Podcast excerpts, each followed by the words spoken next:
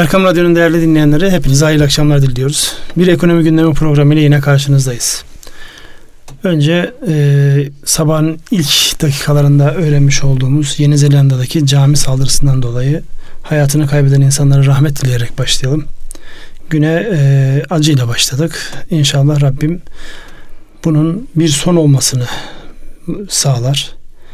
Gerçekten söyleyecek çok fazla bir şeyin olmadığı yani masum ibadet için e, camiye gelmiş insanların vahşice katledilmiş olması yani insanın söyleyeceği her şeyi e, tüketiyor. Nasılsınız Mustafa Bey? E, dediğiniz gibi üzücü bir durum. Allah rahmet eylesin. E, bunun e, altındaki şer varsa Rabbim hayra dönüştürsün inşallah diyelim. İnşallah. Tabi bu haberden sonra ekonomi konuşmak ne kadar e, keyifliyse o kadar e, keyifli konuşalım. E, yayınlanan datalarımız var. Yurt dışındaki gelişmeler var. Özellikle dün gece herkesin merakla beklemiş olduğu İngiltere'deki bu Avrupa Birliği'nden çıkış süreci. Brexit dedikleri sürecin e, parlamentoda bir onaylanması vardı. Orada enteresan şeyler oldu. Sizden ricam onu bir özetler misiniz? Ne oldu? Ne istendi? Erteleme nedir? Neyi ertelediler? Neyi reddettiler? Onu bir açıklar mısınız lütfen? Ee, şimdi bir anlaşma yapılmıştı Brexit ile ilgili, Avrupa Birliği'nden çıkışla ilgili. Bunun e, İngiliz parlamentosunda onayına sıra geldiğinde bir türlü anlaşma sağlanamadı. Daha doğrusu milletvekilleri e, onaylamadılar. E, defaatle bir takım şeyleri değiştirerek tekrar denediler. Avrupa Birliği ile tekrar görüşmelerle bir takım rötuşlar yaptılar. Ama sonuç alamadılar. En son gelinen noktada e, peki öyleyse anlaşmasız çıkış mı istiyorsunuzu oyladılar. Onu da reddettiler. E, dolayısıyla anlaşmasız çıkış istemiyorlar. Ama AB Avrupa Birliği tarafından da e, özellikle Fransa tarafından tamam tekrar e, getirsiniz de işte Macron'un ifadesiyle 500 küsür sayfalık üzerinde konuşulup satır satır anlaşılan bir metin vardı. Bunun neresini nasıl değiştireceğiz noktasındalar. Dolayısıyla şu anda bir uzatma söz konusu. Uzatma yani Haziran'a kadar bir e, tekrar bir değerlendirme müzakere süreci bekliyorlar. Bunun önem arz eden tarafı kendileri açısından Mayıs ayı içerisinde Avrupa parlamento seçimleri var. Onu aşmayı düşünüyor olabilirler. Ama her iki taraf açısından da bakıldığında böyle bir ayrılığın e, hazır olmadıkları her iki tarafta da endişe yarattığı bir gerçek. Dolayısıyla bu belki daha da uzayabilir. Hatta yeni bir şeye e, referanduma da gidebilir mi diye. Çünkü şu gelinen noktada artık olmaz olmaz gibi bir yeni şey. Yeni referandum şeyi reddedildi. Dolayısıyla yani yeni referandumdan ziyade bundan sonraki süreçte anlaşmalı bir çıkış ya da öyle bir anlaşma ki aslında çıkış değil. Zaman içinde tekrar onun gündeme gelebileceğini bile konuşuyorlar. Evet de muhtemel çünkü evet. orada e, Trump'ın da söylemiş olduğu bir şey var. Ben e, İngilizlere tembihte bulundum ama beni dinlemediler. Çıkmayın. Yani sizin orada kalmanız lazım. Tabii bu birileri tarafından Truvat'ı e, yorumu yapılıyor. Biz onun e, siyasi tarafından değil de ekonomik tarafına baktığımızda bizim açımızdan şöyle bir önemi var. Özellikle İngiltere daha önceden de bahsettik. Dış ticaret fazlası verdiğimiz nadir ülkelerden bir tanesi. Oranın bir an önce netleşmesi bizim açımızdan fevkalade önemli. Çünkü yapmış olduğumuz ticarette gümrük birliği anlaşması çerçevesinde yapıyoruz biz bunu.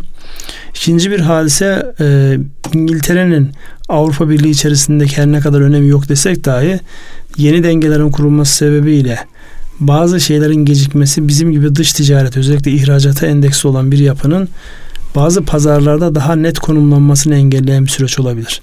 Mesela Almanya bizim bu anlamda en önemli pazarımız. Alman ekonomisinde muhtemel bir yavaşlama, biraz dur bakalım ki bugünlerdeki işaret evet. orada da yavaşlamaya işaret ediyor. Dolayısıyla bunlar bizi e, olumsuz etkileyecek başlıklar. O açıdan izliyoruz. Yani bu izlemelerimiz bu anlamda devam edecektir. Başka Avrupa Birliği'nde aktaracağınız bir şey var mı? Sadece Japonya Merkez Bankası'nın faizleri arttırmadığını biliyoruz. Orada sakin bir piyasa var. Yani özellikle Çin Amerika ticari anlaşması noktasında Nisan'a bırakıldı diye bir başlık vardı. Ee, sürekli böyle birbirini ezen haberler geliyor orada. En son e, fena gitmiyor. Anlaşma sürecinde ciddi adımlar atıldı, yürüyoruz gibi açıklamalar var. O bizi nasıl etkiler sorusunun cevabı. Ee, şey mi diyorsunuz Ünsal Bey? Amerika ile Çin arasında, Çin arasında şöyle e, yorumlar yapılıyor.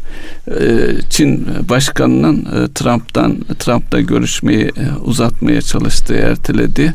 Ama her halükarda Amerika'nın da geldiğimiz noktada Çin olmadan yani Çin'deki kötüleşmenin kendisini olumsuz etkileyeceğini düşündüğünü hesap ediyorlar ve anlaşmanın bir yolla olacağı zaten onun yarat e, oluşturduğu bir iyimserlik sürüyor.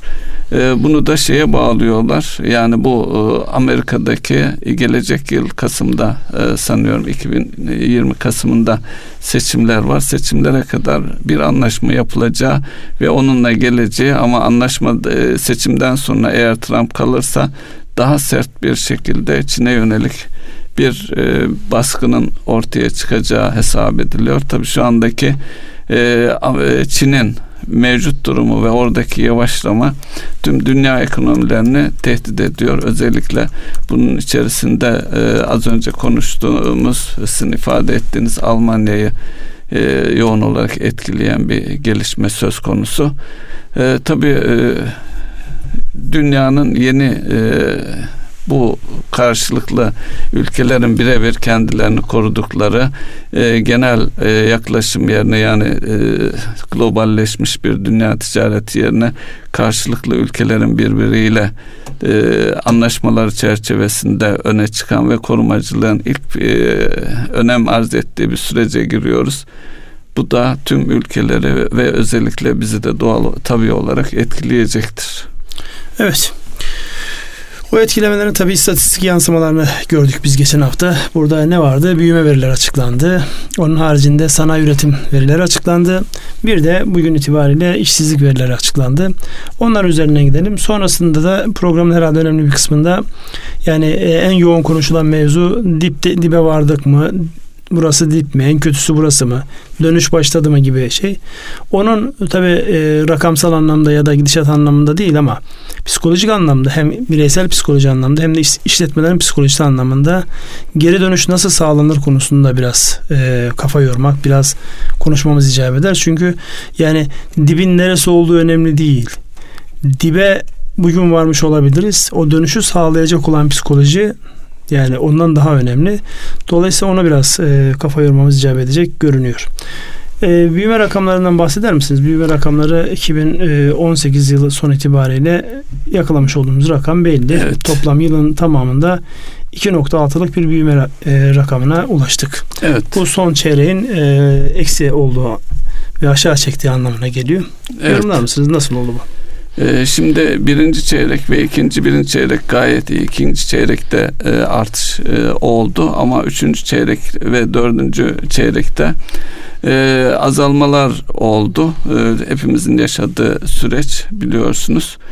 ve yıl sonu yıl bazında baktığımız zaman da 2.6'lık bir artış söz konusu. Tabii bu sektörler bazında da bakılabilir e, kişi başı e, hasılamızda 45 bin e, seviyelerinde bir rakamla e, gerçekleşti. Yani ekonomideki e, soğuma neticesinde geldiğimiz bir nokta diye ifade edebiliriz.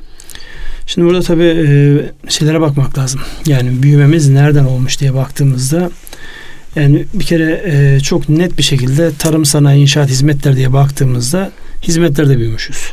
Yani eğer sektörel anlamda baktığımızda inşaatta küçülmüşüz yaklaşık 1.9 gibi bir küçülmemiz var. Sanayi 1.1 gibi büyüme görünüyor bütün yıl boyunca baktığımızda. Tarımda da 1.3'lük büyüme var. Kişi başına e, gelir, milli gelir e, 10 bin doların altına indik. Evet. 9632 dolara geriledik. Dolayısıyla bu bizi yani iki haneli 10 binli rakamlardan tekrar şeye getirdi. Bunun e, acilen gündem maddelerinden bir tanesi tekrar onun Satın alma paritesine baktığımızda o daha yukarılarda. Daha yukarıda, 24 evet. bin 25 bin dolarlar seviyesinde. Yani burada e, şeye yansımamış. Yani refah seviyesi anlamında ancak 24 bin dolarlık bir e, refah seviyesinin sağlayacağı imkanlarla yaşıyoruz. Ama rakamlarla böldüğümüz zaman şu an 9632 dolara gösteriyor. Onun haricinde e, yani büyüme nereden kaynaklanmış diye baktığımızda hane halkı kamu harcamaları ve sabit sermaye oluşumuna baktığımızda kamu harcamaları burada ciddi bir yüzde 3.6'lık bir e, yer alıyor. Dolayısıyla kamunun vermiş olduğu, sağlamış olduğu büyüme e, desteğiyle onu yapmış olduğu harcamalarla ekonomideki büyümenin sağlandığı görülüyor. Hane halkında da %8,9'luk bir azalma var. Özellikle dördüncü çeyrek rakamı bu. Ama toplama baktığımızda Evet. 1.1'lik bir artış var. Evet. Yani tabii e, Türkiye gibi dinamik bir yapıda yılda milyonluk sayılarla nüfusun arttığı e, istihdamla alakalı birazdan konuşacağız onu da. İstihdamla alakalı ihtiyacın olduğu bir yerde yüzde birlik, ikilik, üçlük artışlar e, şeyi karşılamıyor. Beklentiyi karşılamıyor. Evet. Çünkü yani nüfusun gençliği ortalama 29 yaşında olan, 28-29 yaşında olan bir toplumun beklentileri çok daha fazla. İhtiyaçları çok daha fazla. Yani Almanya'da 2.6 büyüyor ama Almanya'nın 2.6'sı ile bizim 2.6'mız aynı şey değil. Dolayısıyla oradaki işte Bizimki ne olmalı dersek 5 nasıl oldu? 4 minimum 4'ler seviyesinde olmalı ki 4 mevcudu muhafaza. Mevcudu gibi, muhafaza üzerine minimum 4 diyorum zaten o yüzden. Dolayısıyla yani onu sağlayacak şeyler işte en altta işletmelerden başlıyor. Biz bugün biraz işletmeleri, işletmenin içerisindeki insanların psikolojisiyle alakalı o tarafa e, ağırlık verelim ki çünkü o e, psikoloji bizi döndürecek. Başka bir şey döndürmeyecek. Buraya baktığımızda e, evet yani hane halkı ha- harcamaları, kamu harcamaları ve sabit sermaye oluşum açısından baktığımızda zaten sabit sermayede eksideyiz. Evet. Yani yılın tamamında 1.7'lik bir azalma var. Buradan baktığımızda yani 2018 yılını biz e, kamu harcamaları ile büyümemizi ağırlıklı olarak taşımışız. İçeri dışarı baktığımızda da orada turizm ve e, ihracat tarafı kendini bir şekilde gösteriyor. Dolayısıyla biz büyümemizde bu sene içinde önemli olan iki kalem ihracat ve e, turizm konusunu yine yeniden tekrar gözden geçirmemiz lazım. Oralardaki aksaklıklara, kayıplara müsaade etmememiz icap eder diye düşünüyorum. İlaveniz var mı? Ee, Ünsal Bey burada diğer e, iki istatistik sanayi üretim ve e, istihdamı da konuşup bu işletmeler e, üzerindeki konuşmayı hepsini kapsayacak şekilde Öyle yapsak yapalım. daha iyi Öyle olur mu? yapalım. Siz e, şey sanayi üretimiyle alakalı istatistikler var mı? Hemen- Sanayi üretimi e, bir önceki yılın aynı ayına göre yüzde 7,3'lük bir azalma var.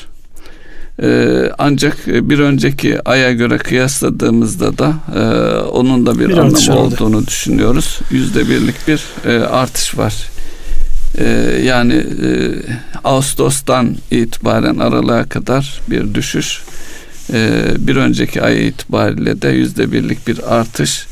Bu bir kıpırdamayı ifade ediyor diye belki. Onun Zaten buralara işletme bakarak yani evet. dip burası mı? Buradan dönüyor muyuz şeklindeki yorumların sebebi bu gelen datalar. Yani baktığımız evet yani düşüş aşağı doğru düşüşte bir e, durulma var. Yani artık e, sanayi üretiminde insanlar yani sürekli azaltarak gelen yapı geçtiğimiz ayla karşılaştırdığımızda bir dönüş var ki biz bunu zaten yani kendimiz de e, bizzat içinde bulunduğumuz şeylerden çok net görüyoruz. Ocak ayı da kötü geçti. Şubat ayından itibaren bir e, kıpırdanma, bir böyle bir hareketlemenin olduğunu her tarafta gördük. İnsanlar yani artık yeter noktasına geldi. Artık bir şeyler yapalım. Çünkü o kurun vermiş olduğu e, psikolojik bozulmalar, oradan kaynaklanan e, olumsuz etkiler e, özellikle Kasım ve Aralık'ta kendini çok gösterdi. Zaten Kasım ve Aralık'takilere baktığımızda ağırlıklı olarak onlar daha önceden almış olan siparişlerdi. Ocak ayı bir e, en azından gözden geçirme süreci oldu. Şubat'ta yeniden insanlar tekrar üretme noktasında bir e, isteğe ve arzuya kavuştu. Burada tabii e, her zaman olduğu gibi piyasanın likitte ihtiyacı, finansman desteği, bankaların bu konudaki isteği, arzusu onların da bir şekilde değerlendirmemiz lazım. Çünkü geri dönüşte onun çok e, ciddi etkisinin olduğunu görüyoruz. Yani bankalarda özellikle son dönemde bir seçimi beklemek gibi bir e, ruh hale peydah oldu tekrar. Dolayısıyla yani daha önceden de söyledik. Her geçen gün aleyhe işleyen bir mekanizma. Geri gelmeyecek o E günler. geri gelmeyecek. Yani baktığınızda bugün yapmayıp da seçim sonrasına bıraktığınız ne var ki ya da neyi tamam belirsizlikte insanlar kendilerine e, emin görmek istiyorlar. Onun yansımasını işte şeyde görüyoruz. Yabancı para üzerindeki mevduatlarda görüyoruz. 171 milyar dolara ulaştı oradaki rakam. Yani bu haftada geçtiğimiz haftada 800 küsür milyon Evet. dolarlık bir ilave tekrar insanlar döviz alma e, eğilimine giriyorlar hane halkında. Yani bunu yabancı yatırımcılar satışta ama yerliler döviz alıyor. Dolayısıyla buraya baktığımızda yansıması sanayi üretiminden hareket ediyoruz. Evet e, Aralık'tan Ocağa bir kıpırdanma var. Ama asıl e, Şubat'ta bence bu kıpırdanma. Peki ilk çeyrek olarak e, tahminde bulunacak olursak Ocak'taki e, şeyi telafi edecek bir noktaya e, geliriz inşallah diye düşünüyorum. Yani şimdi tabii bunun e, bazı şeyler için erken az önce dediğim gibi yani finans sektörünün ve bütün e, oyuncuların aynı şekilde olaya dönüyor olması lazım. Şu an e, bir e, travmanın, hasarın tespiti, onun nereden telafi edileceği ile alakalı bir süreçteyiz. Yani e, ilk çeyrekte o olur mu? Yani gönlümüzden geçen olsun. Ama baktığımızda yani ilk çeyrek e, o kesin dönüşün olduğu bir şey gibi en azından şu ana kadar şeyde görünmüyor. Fakat işaretleri var, kuvvetli işaretleri var. O kuvvetli işaretlere tutunmak lazım. Bir de geçen e, ayki şeyde yüksek teknolojide büyük bir artış vardı. Bu dönem e, sıfır görünüyor. E, bu sanıyorum sipariş usulü çalışan firmalardan kaynaklanan belki de savunma sanayi kaynaklı e, bir gelişme olabilir. Yani hepsi mümkün. En azından biz yine kendi ilgili olduğumuz sektörlerde izlediğimiz firmalarda şunu görüyoruz. Gerçekten e, yani Kasım Aralık'ta yeni siparişler insanların dur bakalım ne olacak şeklinde durdukları bir dönem. Yani fiyatları belirleyemiyorsunuz. Siz şimdi fiyat vereceksiniz ama içeride o ürünlere kaça mal edeceğiniz konusunda kafanız net değilken onunla alakalı yeni iş almak ister misiniz? O soruyu işte yaşadık, bizzat evet. yaşadık e, hadisede. Bazı e, işlerin kaçması göz göre göre oldu. Yani gözümüzün önünde işler kaçtı maalesef.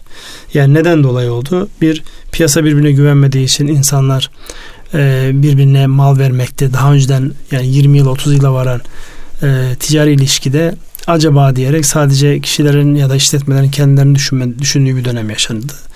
Dolayısıyla orada tekrar bir canlanma, tekrar bir kıpırdanma var. O kıpırdanmanın net kıpırdanmaya, net dönüşe gelmesi lazım. Yani kağıt üzerinde e, teorik olarak baktığımızda peş peşe gelen e, küçülmelerden dolayı acaba ekonomi durgunluğa girdi mi, giriyor mu tartışmalarda tabii otomatik olarak kağıt üzerinde evet onu tekrar döndürecek olan da yine bu gayretler olacak. Bugün fazla mı kullandım ben bu geri dönüş lafını? Ee, Öyle gözüküyor. Geri döndük herhalde. Geri dönüş lafını kullandık. İnşallah bu geri dönüşün yani toparlanmanın bir başlangıcı olur. Son olarak da isterseniz işsizlikle alakalı verileri çünkü sanayi üretimi, büyüme zaten yani göstere göstere gelen bir şeydi. İstihdamla alakalı bir durum. Buradaki en dramatik düşüş tabi bizim daha önceki lokomotif sektörlerimizden olan inşaatın görüntüsü e, işsizlik oranı yüzde on üç buçuk olarak açıklandı. Aralık itibariyle tabi bu yılı ifade ediyor aynı zamanda. Ee, öyle bakmamız lazım. Ee, istihdam oranı 45.4 oldu. Burada dikkat çekici e, şeylerden bir tanesi gençlere baktığımız zaman 24.5 e, yine e, ne eğitim ne istihdam da olanların oranına baktığımız zaman yüzde 24,9 ee, yine e, kayıt dışı çalışan 33,4 gibi e, oranları görüyoruz. Tabii bir bütünlük içerisinde baktığımız zaman bu oran e, normalde biraz daha aşağıda tahmin ediliyordu. 13 12,7 8 seviyelerinde bu beklentileri aşan bir oran oldu. Ee, tabii bu bakıldığında aşağı yukarı 2018 e, yılına bakıldığında e, 1 milyon civarında bir işsiz sayısında artışa tekabül ediyor. Hı. Normalde daha önceki e, dönemlerde genelde işsizlikteki artış istihdama katılan e, yeni istihdama katılanların e, iş temin edememesinden kaynaklı bir artış idi. Ama bu 2018'e e, biraz onların yanı sıra bir de 600 küsür bin civarında iş kaybı olarak e, yansıdığını görüyoruz. Tabii sektörel anlamda burada e, 400 bin yani küsuratları söylemiyoruz. Yaklaşık 400 bin inşaat sektöründen geliyor. Yani mevsim etkilerinden arındırdığımızda çok büyük bir rakam inşaat zaten sektöründen çok ciddi şey var. O da yani sektörün e, bu anlamdaki e, mevcut görüntüsünü özellikle yani üst yapı diyebileceğimiz, konut diyebileceğimiz insanların kullanımı için yapılan e, inşaatlardaki özellikle satış sürecini, satış sürecini destekleyecek olan finansman sürecinin henüz daha oradaki iştahı kabartmadığı için yaşanan bir hadise. Şu an zaten görüyoruz birçok inşaat yani çok yavaş ilerliyor. Yani e, sadece bayrağı dik tutmak için yapılan şeyler var, görüntüler var. E, haklı insanlar çünkü bir taraftan satış yapamayınca öbür taraftan maliyeti arttırmanın kaynakta bulamayınca kaynakta bulunamayınca maliyeti arttırmanın bir anlamı yok. Burada tabii işte insanların birbirlerine e, anlayış göstermeleri icap ediyor. O anlayış sınırı da yani gördüğü etki tepki yani belirsizliğin ortadan kalkması onda bir ölçüde e, ortadan kaldıracaktır. Ama şu an henüz daha belirsizliğe net kalktığı ifadesini kullanmak için daha belirgin sinyaller ihtiyacımız var. En azından e, lokomotif sektörü olan sektörlerden bir tanesi olan inşaatın bu anlamda yeniden istihdama dönecek adımlar atıyor olması lazım. O ne zaman olur? O da ancak e, bankacılık sektörünün uygun finansmanla insanların evet buradan bu finansman oranlarıyla ev alınır e, dedirtebildiği noktada olur. Onun için de biraz herhalde bekleyeceğiz gözüküyor. Başka istihdamla alakalı söylemek istediğiniz ee, bir şey var mı? E, şeydeki, Özellikle genç işsizlerle alakalı orada çok ciddi bir e, evet. şey var. Yüzde 24'ün üzerine çıktı. Sanayi konuştuk. Sanayide de 90 küsür bin civarında azalma var. E, evet yani o da e, bizim mesela da... olmamamız gereken yerlerden bir tanesi. Madem ihracat, madem üretim diyoruz. Sanayi tarafında istihdam tarafında yani e, görmeyi arzulamadığımız bir görüntü var burada. Orada da Oradaki en temel şey yani sanayide az olmasının sebeplerinden bir tanesi özellikle nitelikli elemanı kimse kaybetmek istemiyor. Evet. Dolayısıyla nitelikli elemanı kaybetme istememesinden dolayı belki işlerin performansına göre baktığımızda daha fazla olabilecekken ama oradaki geri dönüşü, o yetenek açığını e, telafi edememe ihtimaline bakarak e, işletmeler oradaki e, ne derler işten çıkarmaları sineye çekiyorlar. Nitelikli elemanlar ellerinde tutmak için. Yani inşallah dediğim gibi burada yani başta ihracat olmak üzere iç piyasadaki hareketlenmeyle tekrar sanayi üretiminde bir canlanma başlarsa değil e, azalma artıdaki e, yansımalarını inşallah görürüz. Dediğim gibi burada en belirgin şey 24.9 olan genç işsizlik e, oranı. Yani buradaki e, pardon 24.5 e, una bir bakmamız lazım. Yani dört gençten biri. Dört gençten bir tanesi. E, işsiz evet. durumda. Buradaki e, ne eğitimde ne istihdam olan rakam 24.9. Dolayısıyla orada bir de şey var. Yani da, bir potansiyel evet, anlamında bekleyen bu belki bir şey gösterir. psikoloji, sosyolojik olarak da bakmak lazım evet. bu alana. İstihdamla alakalı ilave söyleyecek bir şeyiniz yoksa şayet e, burada yani az önce not olarak aldığım bir şey var özellikle Çin-Amerikan ticari ilişkilerinde bugün görmüş olduğum bir haber. Doğruluk derecesini tabi bilemeyiz. Bazı şeyler böyle magazinsel ya da küçük bir şeyden etkikleniyor. Amerika Türkiye'yi üretim üssü olarak düşünüyor gibi bir e, haber gördüm sabahleyin. Ya tabii bu insanın yüzünü e, tebessümü getiren bir haber. Evet. Yani e, düşünsenize Amerika'daki herhangi bir tane markanın işte şu e, telefonlardan bir tanesinin bütün üretiminin Türkiye'de yapıldı herhalde belli sektörlerin yürüyüşü değişir. Evet. Dolayısıyla Çin'i Çin yapan en önemli unsurlardan bir tanesi bu. Ama bunun düşünülüyor olması Türkiye'nin böyle bir kapasitesini vurguluyor değil mi? Yani evet Türkiye'nin bu anlamda kapasitesi noktasında bunu her zaman tartışıyoruz. Yani belli sektörlerde Türkiye gerçekten yetişmiş insan noktasında çok önemli bir e, seviyeye ulaştı. Yani bu yetişmiş insan eskiden bizim en büyük problemlerimizden bir tanesi dil problemiydi. Yani tarihin hiçbir döneminde elhamdülillah sömürge olmadığımız için herhangi bir dili böyle ilkokul seviyesinde hatta sokak seviyesine kadar yaşamamışız. İhtiyaç veya mecburiyet duymamışız. Duymamışız elhamdülillah. Ama onun e, olumsuz yansıması neydi? Dünyaya entegrasyon noktasında yani e, el kol hareketlerimiz ve tarzancayla yapmış olduğumuz şey özellikle ticaret, turizm ama onun ötesinde özellikle yüksek teknolojiye bağlantılı olarak bu yazılım e, işte bilgi teknolojilerin tarafındaki gelişme orada özellikle üniversitelerimizin o bölümlerinden mezun olan insanların yani böyle bir handikapın olmadığını çok net görüyoruz. Tam tersine yani zaten bir kapasite bir potansiyel var. Onu dilin getirmiş olduğu olumsuzluğu da ortadan kaldırdığında e şu an zaten bakıyoruz dünyada finans sektöründe olsun, yazılım sanayinde olsun, bilgi teknolojilerin diğer alt e, kırılımlarında olsun çok sayıda bu topraklardan insanların üst seviyeleri zorladığını görüyoruz ki ara kademelerde de çok sayıda insan var. Ee, Ünsal Bey burada e, işsizlik konusundan da hareketle üniversitelerde söylediniz. Üniversitelerde geçen yıl e, boş kalan kontenjanlar oldu. Yani puanı yettiği halde doldurulamamış kontenjanlar. Bu arada nitelikli iş gücü ihtiyacı işte e, ne bileyim e, ülkemizin e, insanımızın bir dinamik şeyini de düşünürsek e, şu andaki işsiz sayımızı da gençleri özellikle düşünürsek hızlıca bu işsiz olan evde oturan e, gençlerimizi ve işsiz insanlarımızı yeni niteliklere kavuşturmak için neler yapılabilir? Bunu ben bir fırsat olarak değerlendirilebilir diye düşünüyorum. Bunun yanı sıra tabi devletin yaptığı bir takım çalışmalar da var. Belli mesleklerin e, sertifikasyona bağlanması yani o mesleği icra edecek kişilerin bir sınavla veya aldıkları bir eğitimle gerçekten o işi yapmaya yetkin olduklarını kanıtlamasına yönelik bir takım hem teşvikleri var hem e, politika var bu dönem e, daha bir farklı bir şekilde değerlendirilebilir mi? Hatta bunu firmaları konuşurken belki firma özelinde de e, bakılabilir diye düşünüyorum. Bu konuda biraz burada, daha tartışalım mı? Evet konuşmakta fayda var. Ee, şöyle bir hadise özellikle yani hani e, bunu bir programda da zikretmiştik. E, şeyde e, vakıfta öğrencilerle yapmış olduğumuz ya da yani iş dünyasındaki insanlarla yapmış olduğumuz derslerde ya da sohbetlerde fazlasıyla belirttiğimiz bir başlık var. Yani Drucker'dan esinlenerek söylemiş şey meşhur işte yönetim gurusu Drucker'ın bir sözü var. Eskiden insanlar ömürleri boyunca en fazla üç farklı işte çalışacak yeteneğe ihtiyaç duyarlardı. Günümüzde bu minimum 6 ya da 7 tane farklı işi yapabilecek yeteneği edinme anlamına geliyor.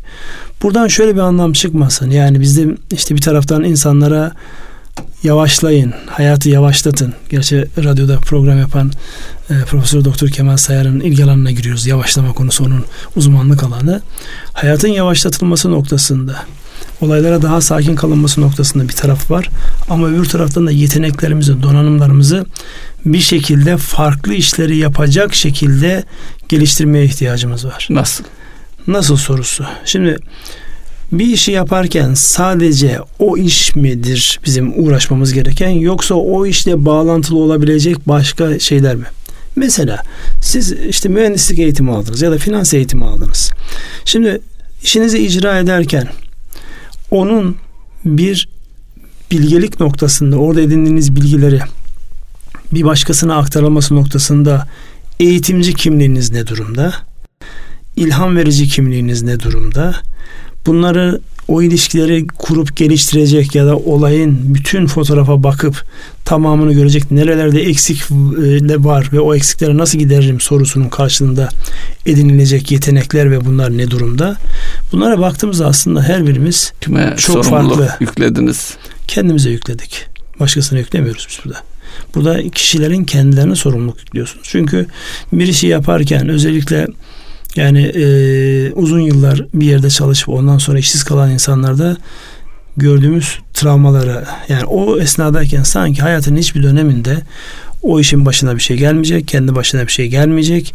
Yani düz bir çizgide yürümüş. Ama hayat düz bir çizgi değil biliyorsunuz. Yani hayatta çok farklı böyle sürekli oynamaların, zikzakların olduğu, sizin kontrolünüzün dışındaki gelişmelerin olduğu. Yani şu an dünyada yani e, hep e, gaz yağlanması şişesi üreten işte e, örnek verilir. Yani o tabi tarihi bir örnek. Yani hatta geçenlerde birisi nostalji yapmış. İşte bir gaz yağlanması şeyi göndermiş. Hmm. Bunun altında hiç ders çalıştınız mı? Yok çalışmadık. Yani biz çalıştık da gençler çalışmadı. Onun için bir anlam ifade etmiyor. Bu ne diye sorabilirler. Bu ne diye sordular zaten birkaç tanesini ben gösterdim. Dolayısıyla şimdi orayı göstererek yani bir şeylerin her gün hayatta aslında bir şeyler yok oluyor. Yani bakıyorsunuz koca teknoloji şirketleri işte telekomünikasyon şirketleri bir ürün geliştiriyorlar. İnanılmaz reklamını yapıyorlar. Üç gün sonra teknoloji. Üç gün sonra o kaybolup gidiyor. Ne oldu o kadar yatırım? Nereye gitti o? Neyi yanlış yaptık? Neresi atlandı konusunda sorular sorulmuyor. O işlerle ya soruluyorsa da bir anlamı yok. O işlerle uğraşan insanlar bir anda işsiz kalabilir. Dolayısıyla burada yapmamız gereken işimizi bir hakkın yapmak ama onun tamamlayıcı unsurları olan taraflarda da yeteneklerimizi geliştirecek bir bakış açısı kazanmaya ihtiyacımız var. Hepimizin var buna. Yani dün iyi yapmış olduğumuz bir şey aynı şekilde iyi gitmeyebilir. Çünkü dışsal faktörler onun bütün varoluş gerekçesini ortadan kaldırabilir. Yani işin kader tarafında, nasip tarafına girmiyorum ama yeteneğin geliştirilmesi, sebeplerin işlenmesi anlamında baktığımızda bizim bunları işleyecek bir e, gayrete, çabaya girmemiz icap eder. Dolayısıyla cümlemi tamamlayayım sonra size şeyim. Yani Drucker'ın o sözünden hareketle ömrümüz Allah bilir kaç sene ömrümüz oldu ama farklı işleri yapacak donanımlarımız bizde varsa fırsatlar gelir bize. Şimdi bu yani temas halinde olduğumuz gençlerle de e, onu yaşıyoruz. Yani baktığımız onlara sürekli söylediğimiz donanımınız arttırın. Donanımınız varsa muhakkak size fırsat gelecektir. Şimdi yabancı dil yok, teknoloji yok. E, sadece üniversite diploması var. O da ittire kaktıra yani herhangi bir konuya yoğunlaşmamış. E, şimdi burada bir fırsat gelmiyor. KPSS'ye giriyor oradan puan alamıyor. Özel sektöre gidiyor. Bir mülakatta nasıl davranacağına dair şey yok. Yani bir kendini yetenek ifade geliştirememiş, kendini ifade edememiş, kendini tanıyamamış ve tanıtamıyor. E, dolayısıyla bu üzerine bağıra bağıra geliyor. En azından öğrencilik zamanında bunun telafi edilmesi. Ya da son zamanlarda belediyelerin e, ortaya koymuş oldukları bu işte meslek İstanbul'da meslek edindirme şeyler var. Mesela onlar çok anlamlı, çok değerli. Ben onları mesela var olma gerekçeleri, uygulamaları nasıldır o konu bizzat yaşamadım ama uygulamaların da iyi olduğunu en azından bazı örneklerinde görüyoruz. İnsanların buralarda beceri geliştiriyor olması. Oralardaki becerilerini yani sadece ticaretle alakalı değil ama kendilerini iyi hissedecek alanlara yansıtıyor olması beklenir. Dedim mi ben de zaten, zaten e, bunu soracaktım. E, buradan biraz da e, detaylandıracak olursak yani empati noktasından hareket ederek e, bir kardeşimiz e, işsiz, işini kaybetmiş veya yeni işe girecek. Siz daha çok yeni işe girecek kardeşlerimize e, anlattınız. İşini kaybetmiş bir kardeşimizin şu anda evde boş oturuyorsa veya zamanını kahvede geçiriyor da olabilir. Dolayısıyla onlar ne yapmalı sorusunun cevabını arayabilmek. E, tabii meslek, meslekler içerisinde de e, bazı meslekler var ki bir e, anlam ifade ediyor. Ama bunun içerisinde de ne bileyim bir sadece bir makinenin operatörlüğü veya işte ne bileyim bir e, hizmet sektöründe bir güvenlik görevlisi olarak çalışmış. Bu insanların kendilerini geliştirmede e, kendi adlarına, kendi başlarına yapacakları neler var? Belki onları üzerinde düşünüp bir e, şey yol gösterici bir rol oynayabilir mi bir takım? E, bu tabi her şeyi devletten de beklememek lazım. E, sosyal e, sorumluluk e, taşıyan organizasyonlar vakıflar yine belediyeler belediyeler de devlet diye e, şey yapabiliriz. Peki e, bir de bu e, özellikle belli bir yaşa gelmiş e, emekli olmuş ama e, hala o tecrübeye sahip insanların bunu gençlere ve özellikle bu iş noktasında sıkıntı yaşayan insanlara nasıl anlatır? Nasıl paylaşım olabilir?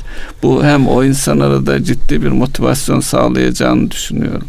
Bu konuda e, siz ne ilave edersiniz? Şimdi ilave edeceğim şu. Yani bizim de uğraştığımız bir alan olması sebebiyle oradaki yansımalarını görüyoruz. Türkiye'de e, en yoğun olan şeylerden bir tanesi ister mesleğe ister memlekete dayalı çok sayıda sivil toplum kuruluşu var. Dernekler, vakıflar, farklı oluşumlar var. Şimdi bunlara baktığımızda yani onların bir araya gelişinde önce insanların birbirleriyle ilinti kurması hadisesi var. Ama benim acizane tavsiyem bunun yansımalarını biz olumlu yansımalarını gördüğümüz için ister genç insanlar olsun yani henüz iş hayatına girmemiş ister iş hayatında değişik sebeplerle çalışıyor ama işini kaybetme riski taşıyan insanlar olsun.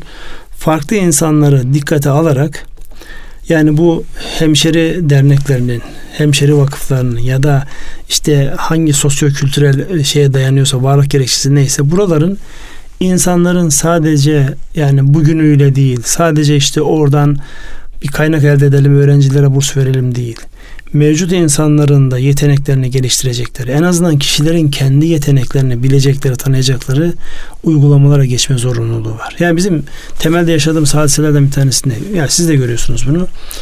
İnsanımız kendi yeteneğini, çünkü eğitim sistemi ona bağlı değil. Kendi yeteneğini bilmiyor. Kendi yeteneğinin üzerinde çok fazla kafa yormamış. Dolayısıyla nereye doğru gelişeceği sorusunun da cevabı yok. Dolayısıyla bizim yani benim aklıma gelen en pratik, en maliyetsiz çözüm yani bu derneklerimiz, vakıflarımız adı ne olursa olsun bunların içerisinde insanların kendilerini daha iyi tanıyacakları, kendilerini daha iyi ifade edecekleri ve buradan yürüyecekleri noktaları sağlayacak çalışmalara bizim acilen yönelmemiz icap eder. Yani bu bir anlamda ülkenin geleceğini de bir şekilde imar etme, inşa etme süreci olacaktır diye düşünüyorum. Herhalde siz işaret ediyorsunuz. Araya geldik.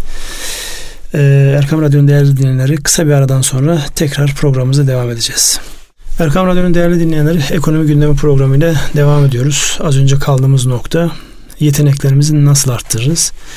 Bunun ötesinde en başından itibaren söylediğimiz biz eğer bir süreç yaşadık yani eğer değil süreç yaşadık bu süreçte e, hasarlarımız var. Yani geri dönüşü sağlamamız gerekir. Buradaki en önemli e, şeylerden bir tanesi bir metaforla e, anlatmaya çalışayım. Hani bazı böyle maçlar olur bilmiyorum sizin spora merakınız nasıl? Ee, yani tabii, dört üç büyükler, üç büyüklerden Konya'yı tuttuğunuzu evet. biliyorum yani.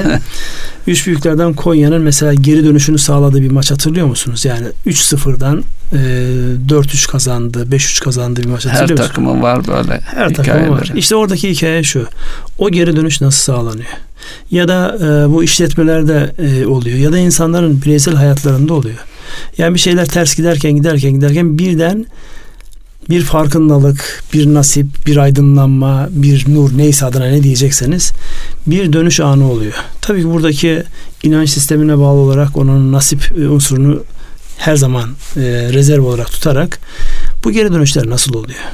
Bunu bir psikolojik analizini yapar mısınız? Geçen hafta kapanırken söylediğiniz psikolojik e, sermayemizden hareket ederek izah edebiliriz. Tabii firma e, örneğine geldiğimiz zaman da yani e, hayat sürüyor, günler geçiyor. Dolayısıyla ne üretiyorsak, ne ne yapıyorsak tekrar harekete geçmenin bir yolunu bulabilmemiz lazım ve e, bulunuyor da neticede e, şey olarak e, hangi koldaysınız, ne yapacaksınız.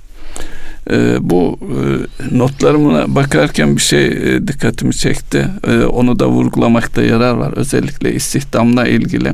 Şimdi e, dünyaya baktığımız zaman belli meslekler birçok e, ülkede yapmak mümkün. Havacılık, denizcilik bunlardan bir tanesi. Şimdi e, bir yakınımın, denizci bir yakınımın ifadesinden öğrendiğim şöyle bir gelişme yaşanmış. Bizim denizcilerimiz e, dünya e, şeyinde, gemiciler özellikle popüler hale gelmişler. E, beynelminel şirketler e, gemilerinde sadece Türk personel çalıştıracak bir e, organizasyona gitmişler. Sebebi ne onun? Sebebi şu e, işine daha bağlı, daha yetkin ve daha güvenilir olmaları. Yani tüm kadroyu daha önceden işte her milletten bir gemide insanlar olurken bunu aşçısından çarşısına kadar kaptanına kadar hepsinin Türk olduğu bir şeye e, gelmiş ve bu şeyi de gerçekleştirebilmek için e, Türkiye'de ofisler açmaya başlamışlar. Yani Türkiye'de sadece açılan ofis istihdam ofisi Türkiye'deki denizcileri bulup bir e, şeyi bazı gemilere yani sayı gittikçe artıyormuş 3 5 10 gemi şeklinde tamamen e, Türk denizcilerin çalıştığı. Doğal olarak da bu e, denizcilik sektöründe Türkleri hakim kılacak bir noktaya gidiyor. Hele istihdam noktasındaki sıkıntıları yaşadığımızı düşünürsek bu konuda Endonezya'nın yoğun olarak e, devlet politikası olarak bunu seçtiğini biliyoruz. Buna benzer yollar e, açılabilir. Yine havacılıkta da e, fırsatlar var. Evet havacılıkla alakalı e, özellikle Türk Hava Yolları'nın bu anlamdaki lider bayrak taşıyıcı firma olması sebebiyle yapmış olduğu şeyler var. Mesela oradaki arkadaşlarla sohbet ettiğimizde gördüğümüz en temel şey ne var? Eğitime çok ciddi yatırımlar yapıyorlar yatırım yapıldığında dünyanın her tarafında iş yapabilecek insanlar var. Dolayısıyla bizim bu bayrak taşıcı firmalara dört elle yapışıyor olmamız icap. Yani olay sadece Türk Hava Yolları'nın bir firma olarak Türkiye'den bir yerlere uçması değil. Türkiye'nin geleceğinde dünyanın dört bir tarafında çalışacak olan insanları yetiştirecek, onları dünyaya bir anlamda ihraç edecek. Yani ihracat sadece mallı olmuyor. Meslek eğitimiyle bu üniversiteleri e, birleştirip yani şirketlerle bir hareket ettirilebilir mi orada? İşte burada bir türlü o koordinasyona giremedik. Yani burada gerçekten çok ihtiyacımız var. Bunu yapabilecek de iyi firmalarımız var. Yani son dönemde telekomünikasyonda iyi firmalarımız çıktı ortaya. Bankacılık sektörü bizim geldiğimiz sektöre baktığımızda. Fakat burada bir strateji yani nasıl Brezilya dünyanın dört bir tarafına futbolcu ihraç ediyorsa bunu bir endüstri olarak değerlendirip dünyanın dört bir tarafından bu anlamda ki yani futbola ilgi duymayan hangi toplum var e, dünyaya baktığınızda? E, gidiyorsun bakıyorsunuz Sibirya'da da Brezilya topçu var Suudi Arabistan'da da var Çin'de de var. Dolayısıyla yani topçu üretmeyelim belki ama daha nitelikli insanları işte Türk Hava Yolları'ndan esinlenerek dünyanın havacılığına farklı sektörlerde, farklı alt sektörlerde İşin teknik tarafı da dahil. Teknik tabii. tarafını bilen insanları yetiştirelim ve bunları ihraç edelim. Telekomünikasyon hakeza öyle. Finans sektörü hakeza öyle. Gerçekten şu anki baktığımızda eğitimle alakalı olarak yakalamış olduğumuz çizgili ve firmalarımızın bu anlamda buralara yapmış olduğu yatırımlarla alakalı ciddi fırsatları var. Sadece koordinasyona ihtiyacımız var. O koordinasyon önce kendi ihtiyacımızı karşılayacak. Sonra insanımızı daha nitelikli yerlere. Yani düşünsenize dünyanın en büyük e, teknoloji firmasının başında bu ülkeden bir insanın oldu. Herhalde boş durmayacaktır. Yani o insan yani oradaki imkanları, oradaki kanalları, olabilecek fırsatları buraya doğru, buradaki nitelikli, yetenekli insanlara doğru e, çevirmek için zihninin bir köşesinde bulacaktır. Netice itibariyle toprak bir çekiyor yani. Kan çeker oradan. Dolayısıyla bunları önemsememiz icap eder. Ve başarılı insanların başarısını takdir parlatmamız, etmek. takdir etmemiz icap eder. Yani buradaki en önemli şey yani bizim mesela her sene üniversitelerde onun yapılıyor olması lazım. Belli böyle popüler üniversiteler yapıyor olabilir ama dünyanın muhtelif yerlerinde başarılı olmuş. İster bizim okullarımız okusun ister okumasın ama bu topraklardan olan insanları rol model anlamında parlatacağımız bir mekanizmaya da ihtiyacımız var ki insanlara bir heyecan, bir heves gelsin. Geçen hafta bırakmış olduğumuz yerden bu e, geri dönüş nasıl olur noktasında sizin isim olarak söylemiş olduğunuz o psikolojik sermayenin tekrar bir hatırlatalım. Oradan özellikle bir başlığa çok ihtiyacımız var. E, neydi psikolojik sermaye? Zor zamanlarda bizim ayakta kalmamızı sağlayan yeteneklerimiz, kaynaklarımız diye. O kaynakları yani bu sınıflama bize ait değil. Sağ olsun psikologlar bu anlamda iyi çalışmışlar. Biz de onların yazdıkları, ettikleri ve uygulamalarından geri dönüşü görüyoruz. Umut var, etkinlik, verimlilik var. Esneklik ve iyimserlik var. Esneklik mi diyeceksiniz? Esneklik diyeceğim çünkü geçen hafta biz burada hangisinde iyi izlediğimizde yani bizim özellikle e, insanımızın kıvrak oluşundan dolayı esnek anlamında yani değişen şartlara hızlı adapte oluyoruz. Oradaki biraz yani tüccarca ve yani iş bitirme, iş bilirlik noktasında bir esneklik. Ama buradaki bahsedilen esneklik özellikle az önce o e, spor takımının 3-0 yenikken birden soyunma odasına gidip oradan 5-3'lük maçı alacak şeye nasıl dönüyor? Oradaki işte duygusal mukavemet dediğimiz ya da işte e, dayanma gücü, esneklik İnanç. adını ne derseniz deyin onu sağlayan bir mekanizma var. O mekanizmayı bizim tekrar ayağa kaldıracak. O mekanizmayı tekrar böyle e, canlandıracak şeylere ihtiyacımız var. Yani sürekli burası dibi oldu mu, burası dibine geldik mi diye konuşmanın kime ne faydası var? Kime nasıl bir faydası Ayağa kalkarsak var? geride kalmış demektir. Biz neyle ayağa kalkarız şu an kafa yorarsak ya o bir aşağı doğru geliş varsa da onu geri döndürür o zorlukla başa çıkar. Bu birey anlamında da böyle, işletmeler anlamında da böyle. Yani şu an baktığımızda işletmeler bireylerden oluşuyor. Yani işletmelerin işte tepe orta kademe neresi yöneticisi olursa olsun insanın ben nereden dönerim diye bakıp işine yoğunlaşması başka bir şey. Ya tamam artık bitti yani bunun artık sonu geldi deyip bakması bambaşka bir şey. Biz ne yaparsak o dönüşü sağlar sorusunda ben size sorayım. Yani siz şey yaptınız neler yapılırsa geri dönüş olur. Şöyle zihninizden geçenleri şey yapın. Bir taraftan da bu işin hem pratiğindeki e, şeyleri görelim. Mesela bir örnek var. Edison meşhur işte bu 10 bin deneme, 100 bin deneme. E, her yazılan kitapta da o rakam evet, değişiyor türlü. Değişiyor. Yani ondan sonra işte şu an e, dünyada önemli işte aydınlanmayla alakalı insanların mesailerini gecede devam ettirmeleri, şehirlerin konforunu arttıracak bir buluşturu. Sonrası üzerine başka ilaveler de olmuş. O yatırımları şey yaptıkları fabrika yanıyor. Şimdi fabrika yandığında işte aile toplanıyor. Eyvah öldük bittik işte bunca yıllık deneyimiz. Edison'un söylemiş olduğu bir şey var orada.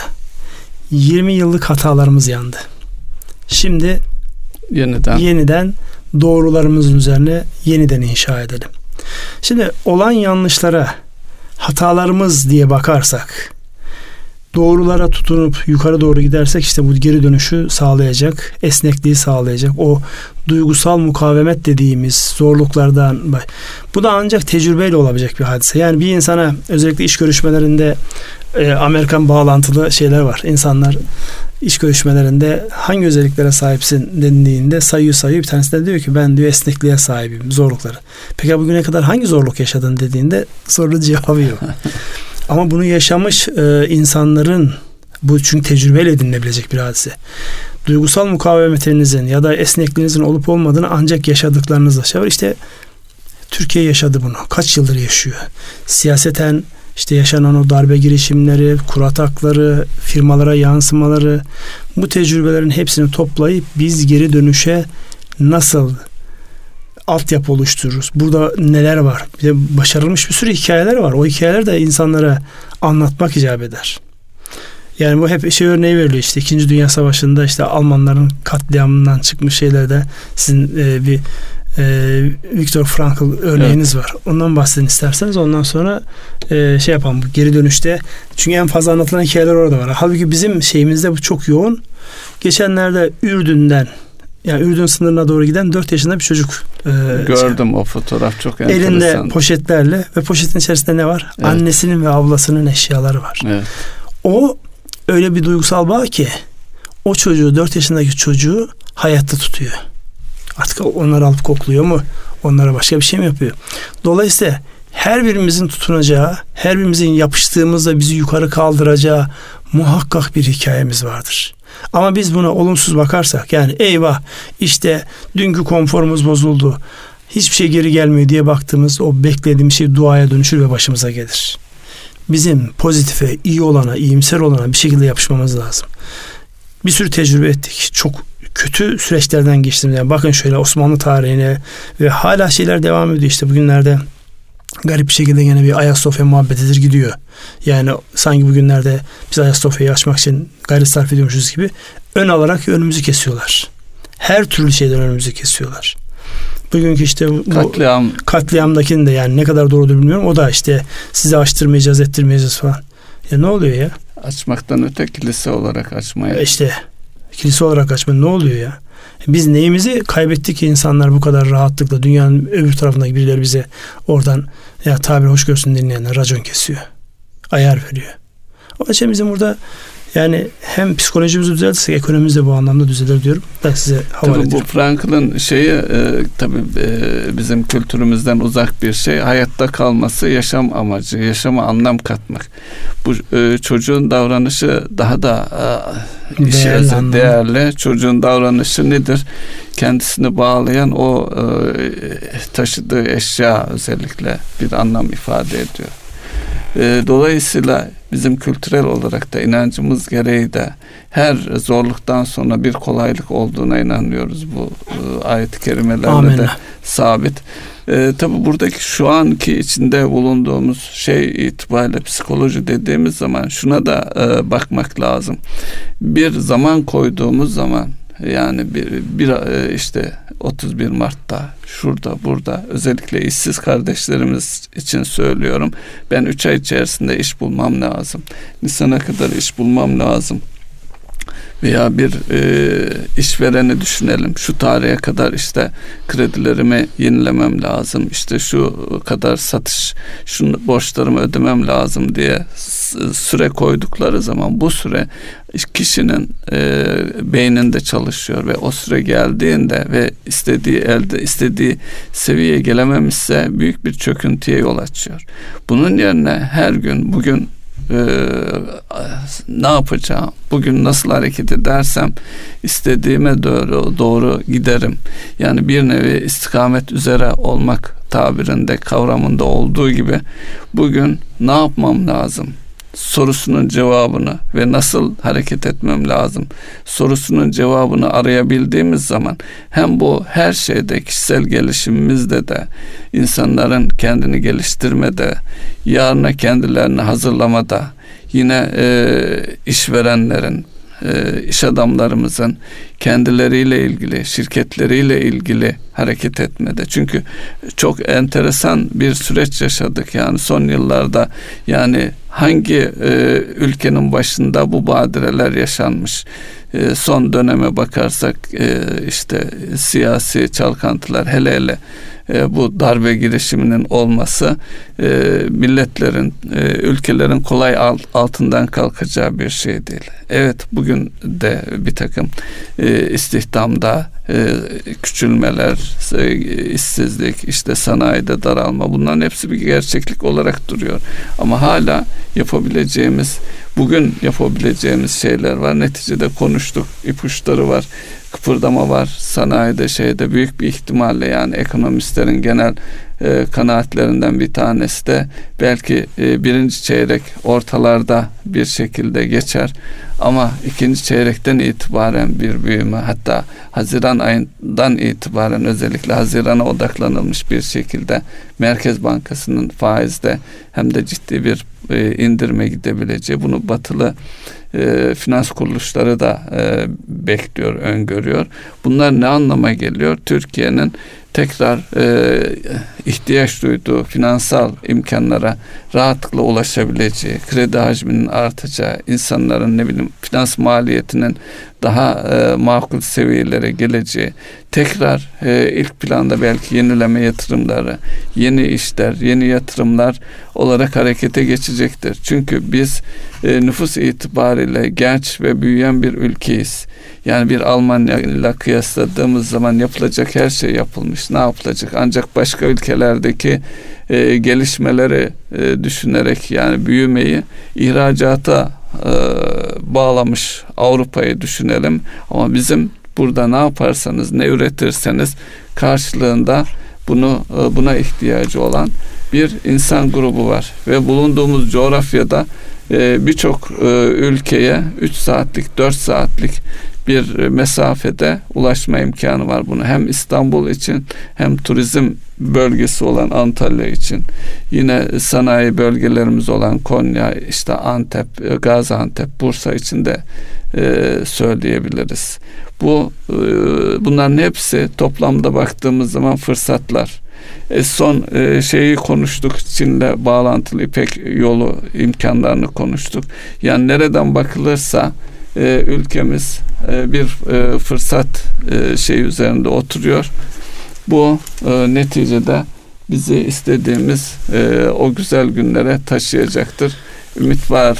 Ümit var olmak lazım. Olmak Şimdi burada E, yani tekrar altını çizmek gerekirse evet yani olumsuza baktığımızda söylenecek çok söz var. Ama olumsuz üzerine yani burada biz e, rakamları ya da olayları yorumlarken bir şeyler görmüyor değiliz dönüşün, geri dönüşün insanların tekrar şey yapabilmesi bir kere kabullenmeye ihtiyaç var. Mevcut durumumuzu kabulleniyoruz. Kabullenmeyle beraber, ümitle beraber pozitif psikolojimize ve bizim neler yaparsak o geri dönüşü sağlayacağımız olan dört elle sarılmamız. Karşılaştığımız zorlukları dünyanın sonu değil, bizi felç etmiş, çürütmüş bir şey olarak değil, bize yeniden güç verecek bir ivmelenme, bir fırsat olduğunu o şekilde algılamamız. Kendi geleceğimize, hedeflerimize, amaçlarımıza, ideallerimize dört elle bağlanmamız. Yani bunlar o kadar e, önemli ki. Değerli. Değerli ve bir taraftan da her şey dönüyor dolaşıyor. Kişisel olarak bizim onlara yapışmamızla alakalı bir hadise biz yapışırsak yani bir başkasından beklemeksizin yani Üstad Necip Fazıl diyor ya sağına soluna bakmaksızın ben varım diyen.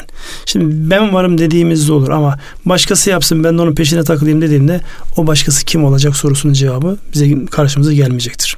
Dedik biraz böyle ekonomi, işletme ve psikoloji ağırlıklı olarak gittik. Zamanla sonuna geldik galiba. Öyle mi? Evet. Bir şey söylemek ister misiniz? Buyurun. Erkam Radyo'nun değerli dinleyenleri bir ekonomi gündem programının daha sonuna geldik. Ekonomik büyüme, istihdam, sanayi üretimi, Brexit derken en sonunda geldik olayın psikolojik tarafına. Hem psikolojimize hem sosyopsikolojik olarak e, yapacaklarımızı ya da yapabileceklerimizin bizim yaşadıklarımızın üstesinden gelme, zorlukla baş etme noktasında önemli bir rolünün olduğunun altını çizmeye çalıştık. Sürçü lisan eylediksek affola. Hepinize hayırlı akşamlar diliyoruz. Hayırlı akşamlar.